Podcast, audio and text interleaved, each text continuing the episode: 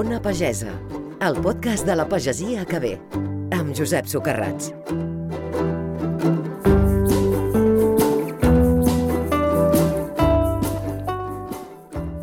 El cercle, per moltes cultures, és el símbol de la perfecció. Tancar-lo, per tant, vindria a dir que hem aconseguit aquesta perfecció. Encara que estiguem d'acord que afortunadament la perfecció no existeix, molts projectes agraris i ramaders d'avui parlen de tancar el cercle. Sembrar les plantes o criar el bestiar és només un pas del procés. Per tancar el cercle cal transformar el producte, envasar-lo i comercialitzar-lo. Sí, és més feina, però permet als pagesos garantir als consumidors que el que arriba al seu rebost ha estat collit, criat i transformat sota el mateix criteri.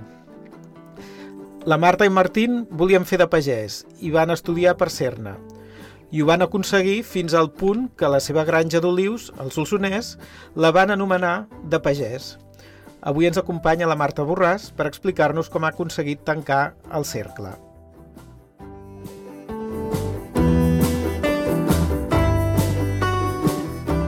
Ona Pagesa, amb Josep Socarrats. Benvinguda, Marta. Hola, bones. Uh, ens estàs parlant des de, des d'Olius, suposo?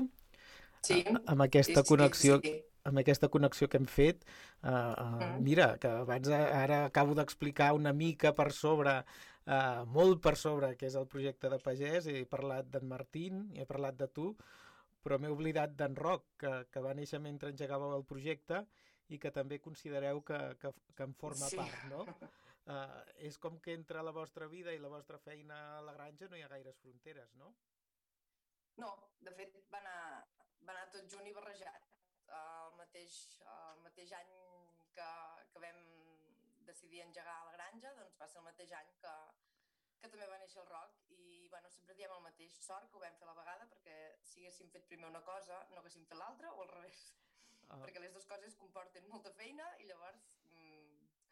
Mm, però bueno, bé, més, més val uh, gestionar-les com un tot. sí, sí, sí. Anem cap al... I ara ja tenim el Kai, que ell, ell ha vingut amb la segona fase del projecte. Ah, val, val, jo m'havia quedat amb, el, amb en Roc. Oh, sigui, no. Ja el són Kai dos, també. ja són dos. Molt bé. Sí. Uh, si anem a l'origen del projecte, anem cap al 2013, uh, i ara el 2021 de Pagès podem explicar que és una granja de porcs ecològics. Uh, aquesta va ser la idea inicial i, i, i si va ser la idea inicial que us va portar a dedicar-vos a aquest sector i no a un altre. Doncs, bueno, bàsicament, a casa meva el meu pare sempre havia treballat en port convencional i tenia granges i, i jo de petita a petita sempre anava amb ell a ajudar al cap de setmana, als estius, i de fet la meva mare sempre explica que jo jugava a carregar porcs en lloc de jugar a nines. I llavors suposo que, clar, d'aquí ve tot una mica, no? Però llavors um, jo vaig fer enginyer agrònom, uh, un màster en sanitat i producció porcina, i allà vaig conèixer el Martín, que també, feia, també ha fet enginyer agrònom, i, i el quin ara és la meva parella i amb el quin hem fet el, el projecte. Llavors, quan vam acabar la carrera, um, vam veure que si ens volíem quedar al Solsonès, si volíem fer un projecte engrescador que ens, que ens fes uh, trempar i que ens fes aixecar cada dia al matí amb, amb moltes ganes, no passava pel port convencional, perquè allà hi ha moltes coses no hi estem d'acord, mm, la manera de produir, la manera com es, com es toqui els aspectes socials de, de, de l'empresa, el, el benestar animal, el medi ambient... Bueno, hi ha una sèrie d'aspectes que no, que no hi estem còmodes i que llavors doncs, vam decidir que per què no fer porc ecològic, no? I, I a més a més era un projecte innovador, un projecte que sabíem que ens portaria moltes dificultats però que ens motivava moltíssim i que ens permetia quedar-nos al Solsonès. Uh, uh, tu mateix has dit que amb en Martín us veu conèixer de tota manera estudiant, o sigui, sou gent Sí. formada en enginyeria agrònoma, en aquest màster en sanitat i producció porcina.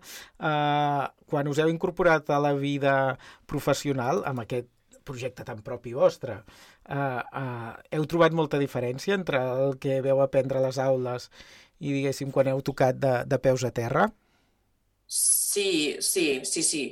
bàsicament, eh, parlant de, del tema ecològic, nosaltres vam fer la carrera i en aquell moment no sentíem necessitat de... O sigui, no, no vam fer cap assignatura enfocada a, a l'ecologia o, o a produir de forma més sostenible. Eh? En aquell moment no, no vam fer res d'això. Va ser més tard que se'ns va anar despertant aquest interès i, i aquesta inquietud. I, I sí que és molt diferent. De fet, vam necessitar molt el meu pare i encara el necessitem molt, que ell no és enginyer agrònom ni res, però que porta tota la vida uh, treballant en el sector i que, per tant, coneix mil vegades més bé els animals ell que nosaltres, i llavors la, la seva experiència ha sigut fonamental. El que sí que el fet d'haver estudiat uh, sí que et dona unes eines que t'ajuden a desenvolupar-te d'una manera, doncs, jo crec que més àgil i més eficient potser que, que si no has passat per la universitat.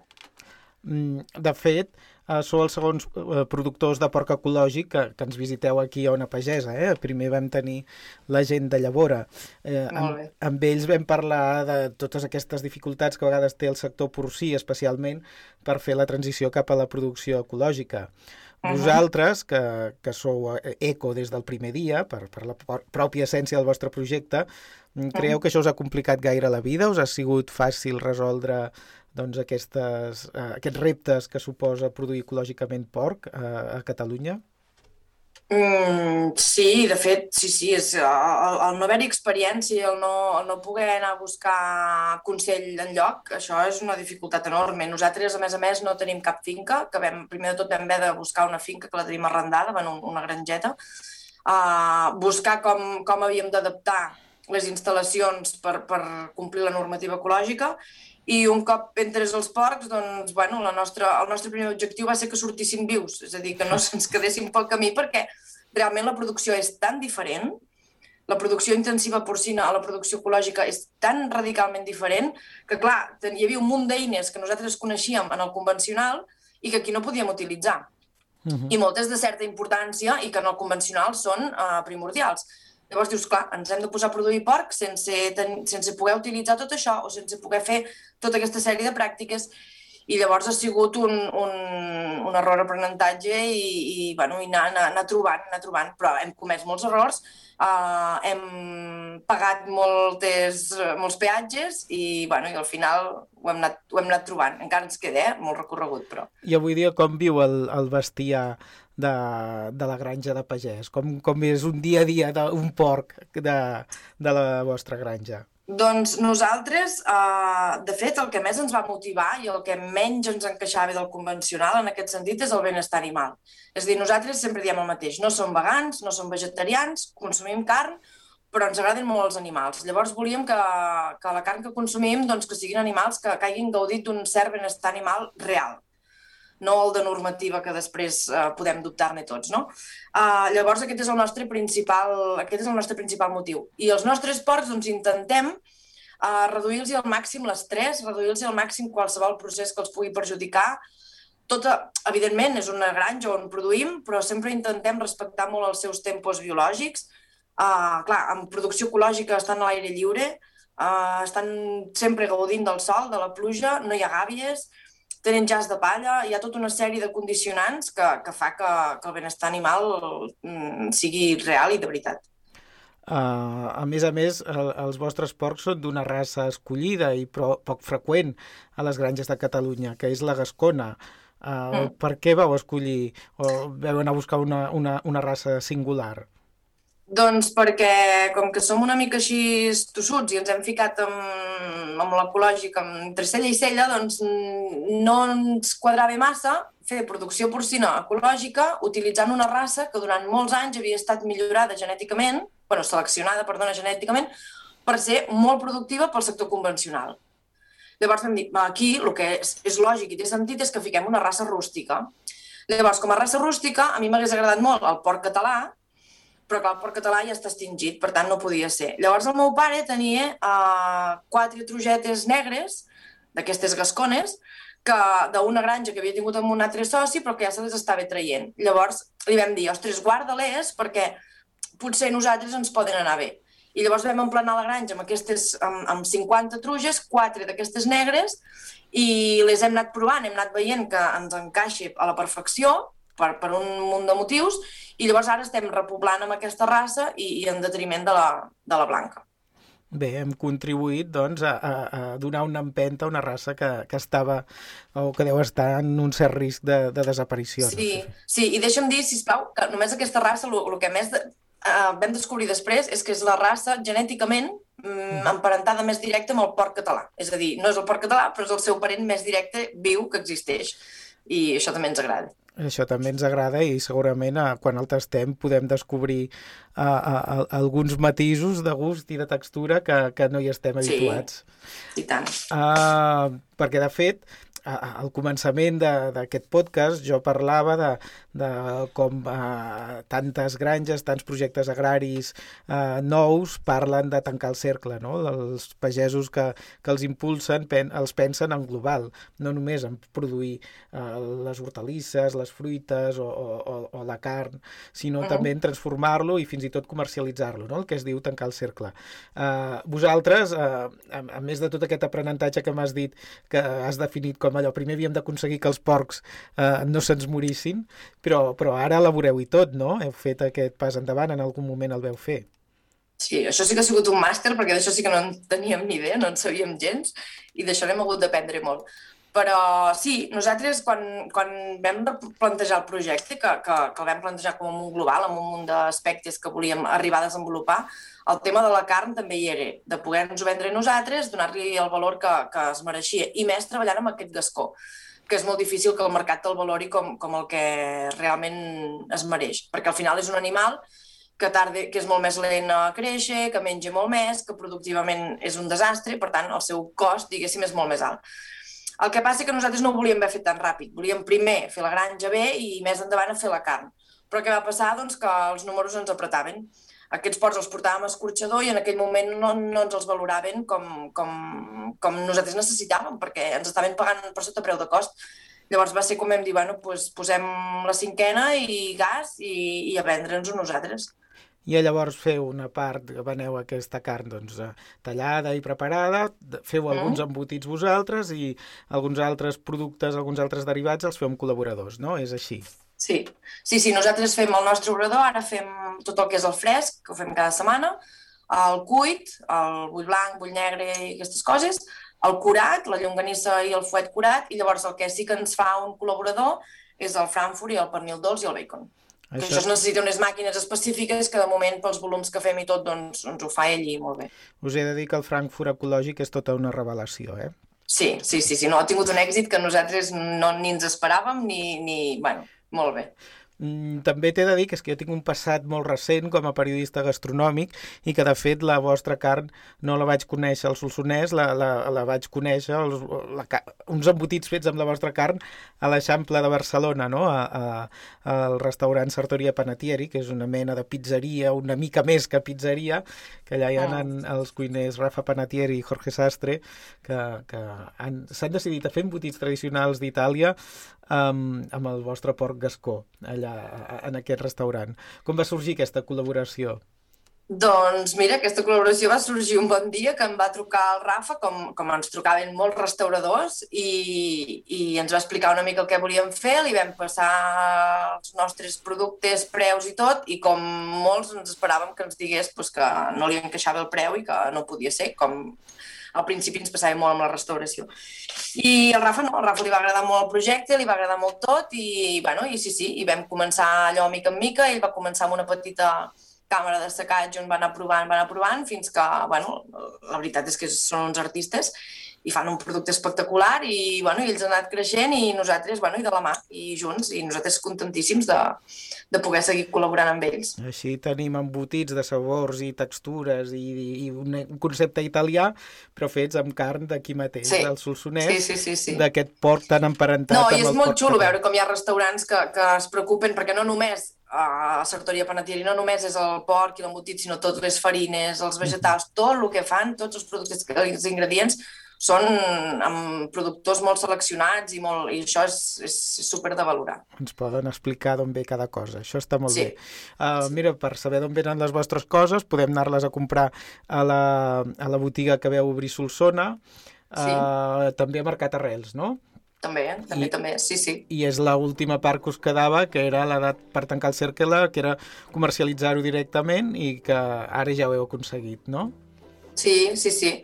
Bueno, nosaltres la comercialització ja fa un temps que la fem i, i la veritat és que estan sortint iniciatives superxules que, que van molt bé als productors i que, i que ens apropen bastant al consumidor, sobretot de, de l'àrea urbana. No?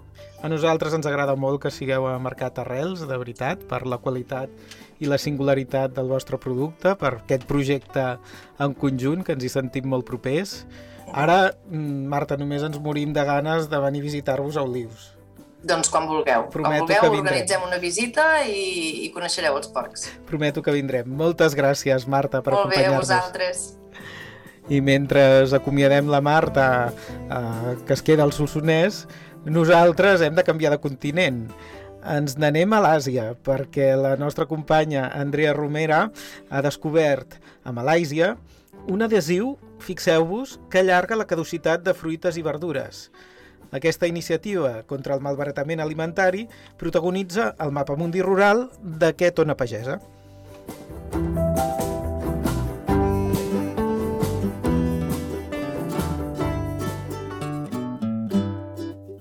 Ona Pagesa.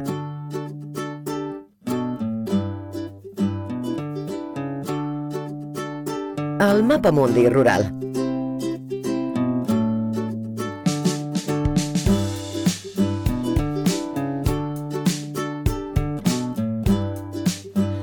L'Atlas del Futur presenta l'adhesiu Sticks Fresh, un invent del malaisi Zafri Zainuddin que manté la fruita fresca durant més temps. Es tracta d'una enganxina que es posa a la pell de la fruita i la protegeix contra les malalties de postcollita, mantenint-la fresca fins a 14 dies més del que és habitual. L'adhesiu actua de la mateixa manera que el sistema de defensa natural que activen les plantes contra les malalties de postcollita. Una vegada que l'enganxina s'adhereix bé a la fruita, els productes químics es comencen a estendre per la pell, creant una barrera protectora que cobreix tota la seva superfície.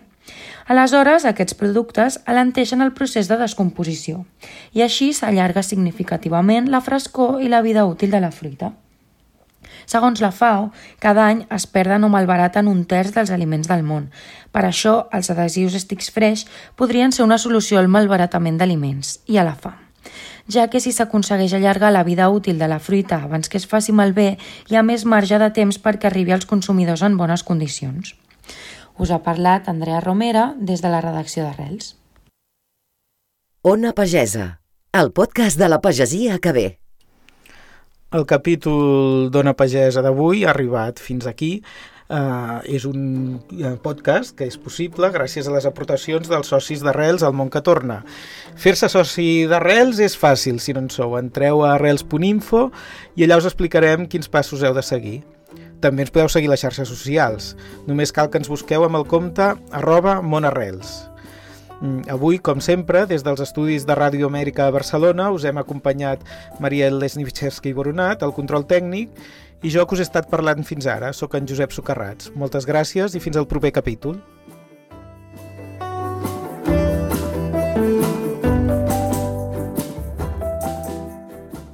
Amb tu transformem el territori de les Terres de Lleida, Pirineu i Aran.